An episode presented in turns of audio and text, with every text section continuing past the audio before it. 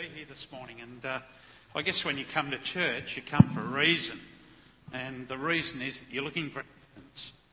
And that sounds like a police officer, doesn't it? Can you imagine me going into court and saying, uh, Look, Your Honour, I, I think, as a detective, um, this man, I think he murdered this other man. You think? Oh, look, I've got this perception. I've got this, this feeling deep down this man murdered this man. You feel it? You what? What do you think the judge is going to say? He's going to say, Detective, get out of here, get some evidence and bring it back in here. And that's what I want to do this morning is show you evidence of what God does. Because there's a lot of people out there, when you say to them, look, number one, God exists.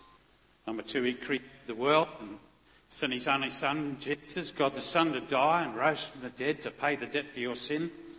And I'll say, give me the evidence. And so that's why I love ministering to police officers. Now I'm retired, I do chaplain into the police post-trauma support groups. That's looking the busted up cops who have come to a point in their lives where they see no in the world or their own career or life and, uh, and they go into a deep spiral of, of depression, sometimes anxiety, and even sometimes hostility. And so as a police officer, we always referred to specialists. For example, if we went to a crime scene, we'd refer to the forensic. If we went to a, crime scene, we'd refer to detectives. A rescue, we'd refer to rescue squad, and so it goes on.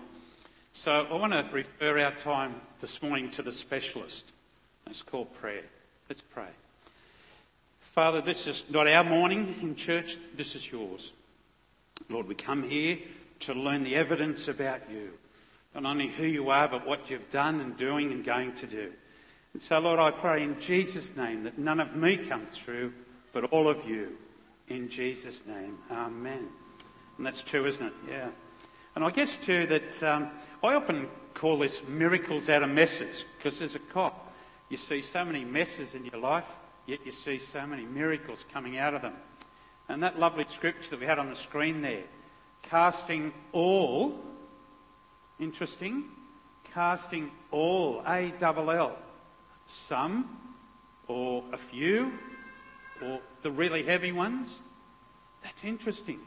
Casting all your care upon Him, for He careth for you, He cares for you. In other words, as a police officer, I gave junior police directions or orders, and they carried them out immediately. The ones above me gave me orders, and I carried them out when you look at this verse, there's no compromise there. This is an order from God. This is a direction from God. He doesn't say, look, cast or throw. In the Greek word in the New Testament, with that it means, casting means like you do with a fishing line. Forcefully throw. Casting means forcefully throw all of your cares upon Him. Now there's no sort of if you feel like it there, or when you come to a time where you're finished with it, then throw it to me. Or when you've tried every other resource, then throw it to me. It says up front, it's an order to cast your cares and mine upon him because then he'll care for us. And um, in, I went to the Granville train disaster, and uh, some of you are too young to even remember that one, but it was in, on the 18th of January 19. Seven, to refresh your memory, train coming from the Blue Mountains hit the bridge. Well, it derailed first and hit the stanchion of the bridge at Bold Street. The bridge came down onto the train, and uh, we, we know there was 80 people lost their lives right there and then. Three more died later in hospital, so 83 lost their lives. There was 10 trapped in that debris in what we call the crush syndrome. Uh, I don't know if uh, some the medics here and, and other emergency service personnel might have heard of that. It's when the muscle on the legs gets compressed. And if you release it too suddenly, after they've been trapped for a little while, then toxins are developed in that crushed area and come back into the circulation and cause all sorts of heart rhythms and block the kidneys and a whole range of other catastrophe. And also blood is lost into the crushed area. So we've got to compensate and release them very slowly. And in police rescue, I did hundreds of those releases very slowly with crush syndrome. And so we when I arrived there, uh, I was with the late uh, Sergeant Bill Fay. We looked over the edge. We saw 213 people injured around the train. And he looked at me and he said, Gaz, don't worry about them. The ambulance, doctors and nurses will look after them. He said, you get in those carriages under that crushed bridge and tell me what we've got. So that was called a reconnaissance, and uh, military folk know uh, what that is as well. So I got in there, and I was uh, obviously confronted by um, a sea of death, really, in a very confined space. If where the platform is here, then the bridge was here with two carriages full of people in, in that area.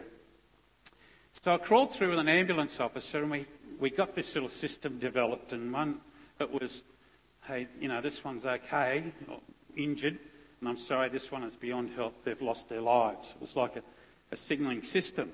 As we were crawling through, we came across a, a young lady called Debbie, and Debbie was 19. She was a police employee who had been accepted to go into the academy in the March of that year. This was January. He came across her and he went,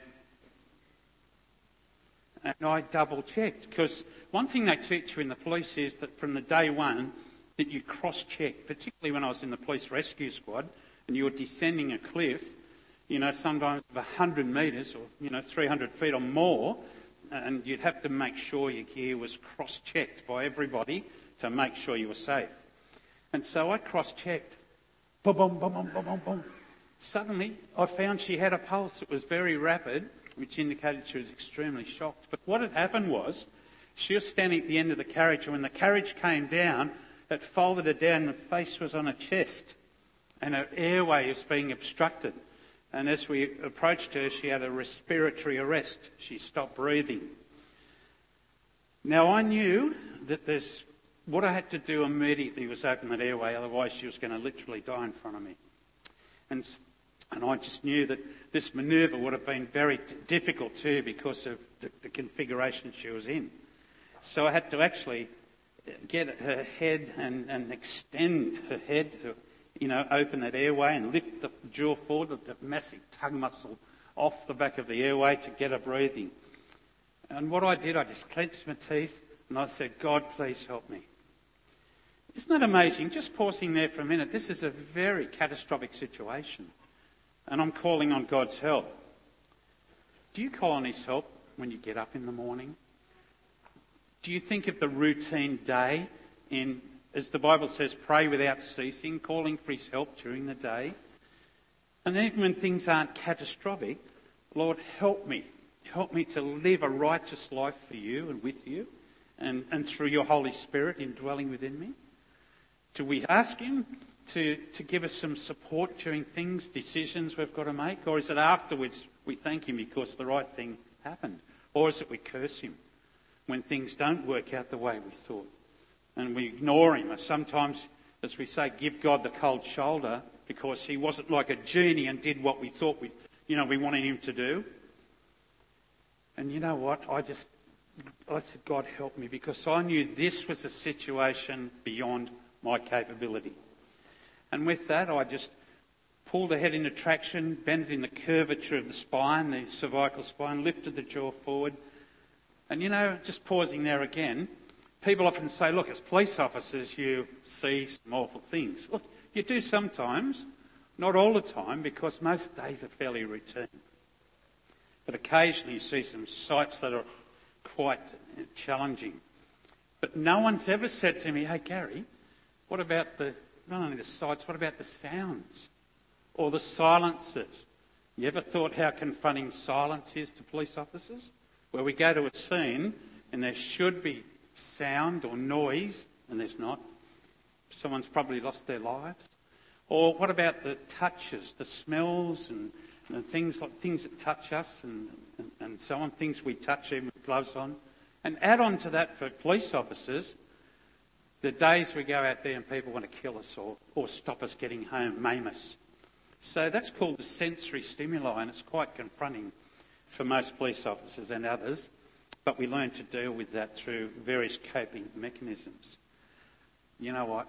One of the most beautiful sounds that I've ever heard in 34 years in the cops was Debbie started breathing spontaneously on her own. Colour got back and her function started to get better. Her blood pressure rose and breathing got better, pulse settled down. And it was just wonderful. But then when I examined her, she was critically injured and one of her legs was just about traumatically amputated. I had to actually stop the bleeding there and keep her airway open at the same time, waiting for medical assistance to come in. During that rescue, Debbie said to me at one stage she had what we call an acute abdomen, a lot of pain in the abdomen. And when I palpated, it was hard as a rock, which indicates there's something happening underneath the six pack, if you like, uh, blood or air or, or bruising underneath that layer, and it comes across. The she said to me, she said, There's something wrong, Gary, isn't there? And I said, Look, I believe there might be, but when we get you out, we'll get you to the doctors and surgeons and they'll have a good look at that for you. You know what she said? She said with tears in her eyes, she was fading in and out of consciousness. She said, Do you think that I'll ever be able to get married and have a baby after this? And I looked at her injuries and I didn't say it, but I thought, Debbie, you're going to be just blessed to get out of here alive, let alone get married and have a child. And you know, I said to her, again, a bit of a throw off line. I said, Debbie, only God knows. God knows. And do you find that sometimes? Do you find that things are beyond you? Things within circumstances of your home, your relationships, your work, or, and it's just beyond you, things happening, you study, whatever it is, and you say, God, I don't know what's ahead of me, but you do. And that's true. Only God knows. You know, God is a know all. He knows everything about you. Even before the foundation of the world, He knew everything about you, where you were going, what you're going to do, and the whole circumstances. And all that time, from the moment you're born, He then gives you advice and guidance by His Holy Spirit if we obey Him. And with that, I just thought, well, and we got Debbie out and she flew off uh, urgently to hospital. And I just looked and I thought, as the chopper was going in the distance, I thought, lady, bless you, I don't think you're going to survive this. She had an injury in every compartment head, chest, abdomen. She was critically ill. Well, some years later, I was at the rescue squad and the phone rang and they said, You've got to go on this television show called Where Are They Now? And the compere then was a fellow called Peter Luck. And I said, oh, do I really have to? And the commissioner said, what? I said, yes, yes, I'm, yes, I'm going, I'm going. So I, I go out in the green room and I come into the studio and the lights come on and everyone's standing in the audience clapping. Gary Raymond, one of the police rescue heroes of Granville. And, uh, and I thought, what's going on? And I, the lights were fairly heavy and bright. And then I saw on a walking frame Debbie coming towards me. You know, not walking really that well because she had a prosthesis. They had to take her leg off. And uh, she, you could see the scar here of the tracheotomy where they'd kept her breathing and alive by machine. And as she came forward, she cuddled me and kissed me and, and we held each other tight and she whispered in my ear, thank you for saving my life. And I whispered in, in, in the other ear, I said, it was worthwhile. I heard a noise behind me and I looked around and there's a young lady holding a baby. And they handed the baby to me. Well, I didn't want to drop a baby on national television, so I'm like a vice, you know, gentleman in your shed that I was hanging onto this baby. And I went, oh, nice, you know, what do we do with this? And Debbie looked me straight in the eye. She said, Gary, it's my daughter Shelby, and sitting down there's my husband Steve. God knew. Remember I said only God knows? She said, God knew. I want to reassure you in church this morning, and part of the reason we all come here, including me, is to know that God knows. And so, knowing that He knows, we can trust Him for the future. Because if we look at the past, look at the things He's got you and I through. Debbie and her husband have given their hearts to the Lord some years ago, and Shelby's growing. They've fostered two boys from a drug affected home, and they'd be in church as we speak right now, praising God. And we don't go through what they went through, but let's praise God for what we're going through. Come your care upon Him, for He cares for you. Um, I was on the Anita Cobby murder. When I finished res- uh, working in the rescue bomb squad, I went to detectives. I was on the Anita Cobby murder, the one at Blacktown.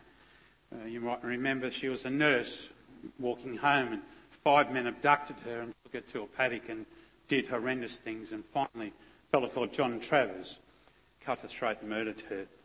And a detective, and a Christian detective, seeing these, these men in front of you that have done this thing, it stirs up a lot of things. It stirs up a lot of questions as a Christian.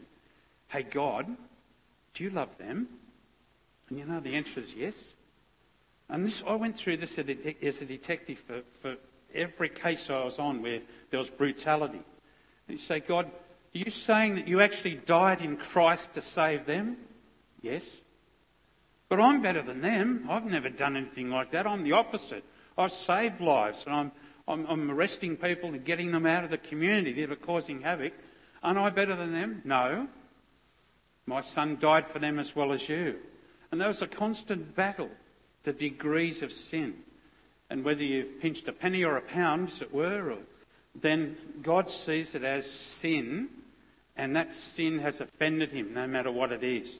And often it's not the sin we do, although it is, but it's the things we don't do that God lays on our hearts. And we put it aside and do other things which are self pleasurable and gratifying. And God grieves, the Holy Spirit grieves. And of course, the other thing is too, God created us not to be workers or volunteers or witnesses, really, because it's His witness through us. But you know what? He created us to have a relationship with Him. And if we're not spending time with Him, did you know God misses you? Did you know that? It says the Holy Spirit grieves. And that grief is God saying, I want to spend time with you. Why don't you spend time in my word? Why don't you see that you can cast all your cares upon me and I'll care for you? Don't you know that? Don't you read that? Don't you pray with me? Don't you just sit with me and contemplate my presence? I miss you.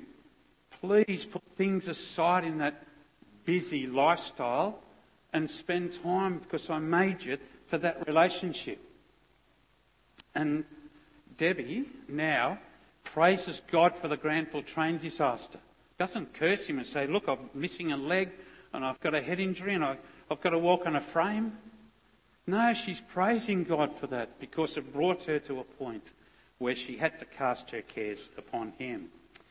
Often you, um, the day turns out different. Go on duty and we got a lady who was walking through the Roselands shopping centre and she went into a cafe. And up the back of the cafe, sorry, she was walking past and looked up the back and her husband was up in the corner of the cafe kissing and canoodling with another woman. Now, again, there might be someone here this morning who's suffered that, where a partner or, or, or somebody in a relationship with you, a husband or wife, has been unfaithful to you. And that it hurts, doesn't it? It really deeply cuts you to the core. Well, this lady went up the back. She said, What are you doing? What's this all about? And he turned around and he said to this girlfriend, Oh, this is my former wife. And she just went into a spiral anxiety. And she ran up onto the roof of the car park of the Roselands shopping centre. And she got outside the railing and she's hanging on, threatening to jump. In police rescue, I was on, um, we do the, the suicide crisis negotiation. That is, we specialise in going to people threatening to jump. The gap, buildings, bridges, roofs, wherever. They called us and they said they had a lady threatening from jumping to a death off the car park. And we urgently went there and I started negotiating with this dear lady. She was broken. She was just a broken piece of piece of person. And as she, you know, I kept saying, don't, you know, hang on, please, hang on, don't let go. Don't do this. And as I'm negotiating with her gently and just pouring that love out to her, she's just staring just staring, going very stoic and very detached. Now, I knew that was a dangerous thing for her because with experience, people either just fall over to their deaths, sadly and regrettably, or they bend their knees and jump. So we get used to that body language. And when we lose contact with them, when they're not having conversation with us, and they detach, that's extremely dangerous. Generally, a, a decision that they're just about to do that jump or that fall. And as I was trying to get her attention, I saw her let go of the rails. And as she did, I said, Don't do this. God has a plan for your life. And Jesus died to show you the way in that plan. And with that, she looked at me and she just said, I can't do this anymore. And she let go and leaned out. Well, there's a sudden rush of adrenaline comes over you in those situations as a police officer. And I ran and I, I just skidded along the railing as she was just about to go over into the air. And I, being an old football player, I just armbarred her across the chest and knocked her backwards over the railing. And then I rolled off the railers with that momentum on top of her to restrain her. And she was shrieking and crying uncontrollably, screaming out to me, Why did you stop me? Why did you stop me? And then our, our good mates from the ambulance service came over and the other rescue guys and girls, and we comforted her and then transported her to hospital. A few weeks later, the mental health psychiatrist, the doctor, rang me. He said, Hey, Gaz, can you come over? I said, Yeah, sure, Doc, because we used to work closely with the teams. Went over there, and he brought me to a room, and here's this lady sitting there. And she got up, and I looked at her, and she cuddled me and said, Thank you for knocking me over the railing. And by the way, her false teeth went out too over the side, and, uh, and there was a, a social worker who got a sudden shock to see the way I operated on this particular rescue. And she'd never seen police rescue retrieving someone in that position before. And she said to me, You get down and get those false teeth. Did you see what you did? You knocked her teeth out, you know. she was suffering what we call critical incident stress. She was just shocked by. And uh, the teeth were recovered by a junior police officer. You know, that's called delegation in our job, you know. So, and she said, Thank you for knocking my teeth out as well. Well, I just said to her, Well, bless you, you know, and my heart broke for her. You know what she said then? She said, What you said, that God had a plan for me, I've taken that. And you've heard that cliche. How often do you hear it in church and other places? Oh, God's got a plan for you. Really? Yes, really. And so we can trust Him in that. And with that, we cried together. And then I prayed for her, and then she prayed for me, and the doctor prayed for us both. And it was just a wonderful encounter. And she said, When I get out of here, she said, Can I come to church with you? I said, Absolutely. So we took her along to our church, and she sat there just shaking, crying for quite some time. And then eventually, she then really surrendered and handed it all over to God. So you keep your memories. Your memories are tattooed chemically on your brain, and so you can't erase them. But what you can do is hand and cast your, the effects of the memories on you today. As he said, casting all your care, that is, concerns and your worries and, and, and all about those things, your deepest affections, your, the things that affect you, cast them to him. You'll still remember them, but he'll take the sting out of them. It's almost like you're attached by an elastic band to the past. You've got the memories, but they affect you today. He can, you know, in, hypothetically cut those effects on you as you cast your cares upon Him. And uh, finally, today, you're faced with other situations too. Oh, by the way, her husband divorced her and married this other lady. She was alone for a while. She met a beautiful man in church, and they've been married now very happily and praising God together and worshipping together for quite some time. So I call it misses out of miracles. So what we muck up, God can fix up. Isn't that amazing? Have you ever had those experiences? You've mucked it up and God's fixed it up if you let Him do it. I was an ambulance officer prior to being in uh, police rescue, and I, they always used to get me when things went wrong around the police station medically for people. I was upstairs and they called me down to the foyer, and they said urgently, urgent, urgent, urgent. When cops say things three times, that's really priority one. So I ran downstairs and in the foyer of the police station was a lady on the floor surrounded by police officers and people with a big carving knife out of her abdomen. And I jumped the counter and I said, What happened? They said, A boyfriend stabbed her down the road, and some good citizens have carried her up and brought her into the foyer. The paramedics on the way, they're on the way. Right. So I began treatment uh, with what I could. We did some oxygen therapy. We made sure that the limbs were elevated to bring a little bit of blood volume down into the, into the general circulation. You don't pull the knife out because you disturb the clotting mechanism, the fibrogen web. It's like a web, and if you pull it out, you break the web open and it starts to bleed again. And besides, pulling it out, if it's serrated, might cut further and cause further bleeding and uh, an, an injury to vital organs. So you've got to stabilise the knife where it is, which we did. We packed it and stabilised it with tape to make sure it stayed in that position. And as I'd done all the medical treatment that I could have, and I'm kneeling beside her, and my heart broke for her. She's shocked and confused, semi-conscious. She, her eyes are rolling and wondering what was going on. She was in fact dying. I felt moved, which I did often on duty, to pray with her. And I just prayed something like, Lord Jesus, reveal yourself to this lady right now. Show her you've forgiven her sin. And not only have you forgiven her sin, but you're going to see her through this and show your presence is real. And then we heard the sirens and the paramedics turned up, cannulated her, put some fluids up, rushed her down to Blacktown. Here's another miracle. There was a trauma team from Westmead just leaving after dealing with a road crash victim in the theatres. And of course, when she came in, they said, hey, don't go back to Westmead just yet. Look at this. So they diverted, and so she had expert trauma surgeons right there. Straight back in the theatres, and they saved a life. I went there a couple of days later to get a statement from her, and the state, purpose of the statement was, of course, um, we'd arrested the offender and for the brief of evidence and so on. And I sat down beside the bed. You know, put a chair up when you visit someone near the bed. And I said, oh, I'm Detective Sergeant Gary Raymond from Blacktown. I'll be, I'm investigating your case. She stared at me with this real confused look on her face. She said, Who are you? I said, I'm Detective Sergeant Gary Raymond from Blacktown. I'm, I'm in charge of your case. I've just got to get a statement here in my notebook and I'll get a type one later.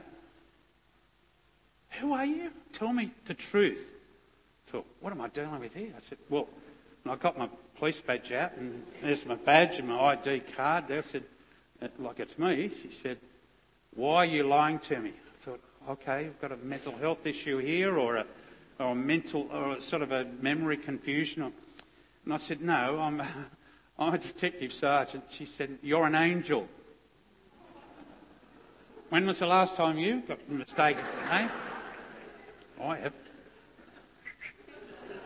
She said, when I was dying in the police station, an angel spoke to me about Jesus. She said, and he had a voice just like yours. And I said, ma'am, it wasn't an angel. I said, although God can use angels on some occasions, but it was me. I'm a Christian police officer, and I told you about Jesus in prayer. And she said, in, in that confusion, she said, I made a promise to Jesus that I'll give my life to him if he saved my life. And she said, I'm going to carry that through. And you know, that was wonderful because she did carry that through. And today is serving the Lord fully and beautifully. Uh, in not our church, but a church not far away. And you know what she's doing? She said, Gary, I cast all my cares on him and he cared for me. I let it go. The hatred she had for the bloke that stabbed her, let it go. Memories there, as I mentioned. Maybe you got hatred or resent, resentment for someone this morning. Maybe there's something in you that you just can't let go. Again, I'll repeat myself the memory you can't let go. But guess what? Get it and cast it. Throw it onto God. Let Him carry it. He's the expert burden carrier. We're not built to carry burdens. We're built to cast our burdens onto Him.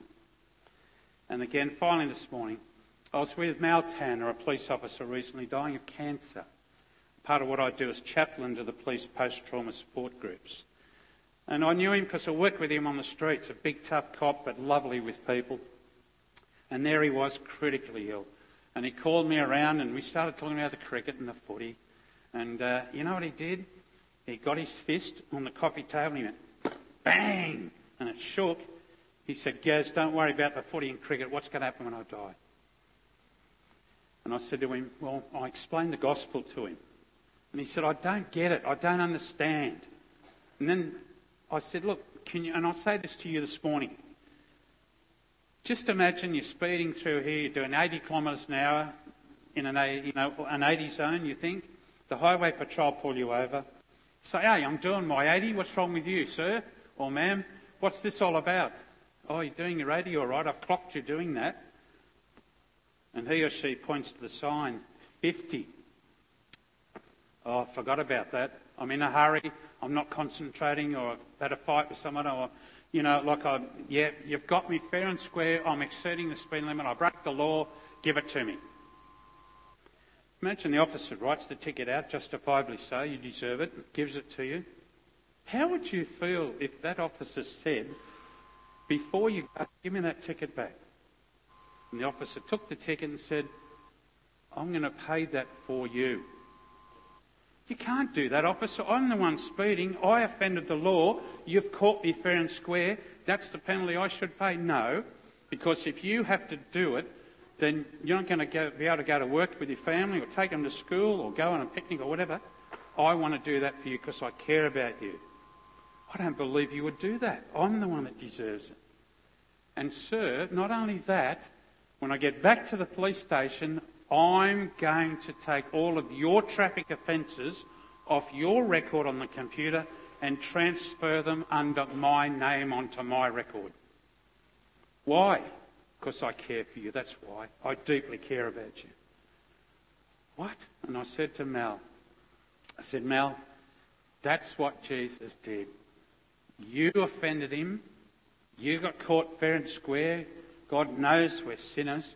We're, the Bible says we're a liar if we say we're not a sinner. And guess what? The one who caught you and fined you to eternity in hell forever, no release, no parole, no bail, no key, forever. It's what the Bible says. Jesus spoke about hell more than he did about anything else. But guess what? The way of escape is that your record is going on to me. I said, Jesus did that. He took all your sin record when he died on the cross once for all under his name. So that when you die and you're facing Christ and, and God the Father, you can say, my record's clean, but if you look at Jesus, he's got my offences. I can't be attributed to them now. And that's what happened. You know what he did? He burst into tears. He said, Gaz, I get it. I now get what he did on the cross. And he just shifted off, knelt there, and gave his heart to Christ there and then. And he was dead two weeks later. But I believe with the Lord. This morning, you might be here and you've never surrendered to Christ for the first time. And you've never, never, ever said, Lord, now I understand what you did. I want to surrender to you. I want to be grateful to you. I want to hand my life over to you. I don't own it anymore. Or you might know him very deeply, but things are cold. You're too busy for him. Or you, you just, your sin debt and your, your sin behaviour, even though you're a Christian, is getting, getting the best of you. And you need to say, Lord, I need to come to, back to where that original love was. I need to fall in love with you again for what you did. Do those things this morning. Let's pray. Lord, I want to thank you that your word says that we can cast all of our cares on you. Lord, any care that we've got, maybe it's our own sin, and we need to say, Lord, our sin's already been cast on you. Or maybe it's our behaviour. Maybe it's our attitude. Maybe it's a whole range of things. So help us this morning to obey your command and cast all those cares upon you as you care for us. I thank you for those who will surrender their life to you this morning and fall in love with you as I am. And I thank you for those who might be a bit cold and your love and your Spirit's presence within them, indwelling, will warm them up. And not only warm them, but induce a fire within them for love for you and others. We ask you in Jesus' name and thank you for this morning. Amen.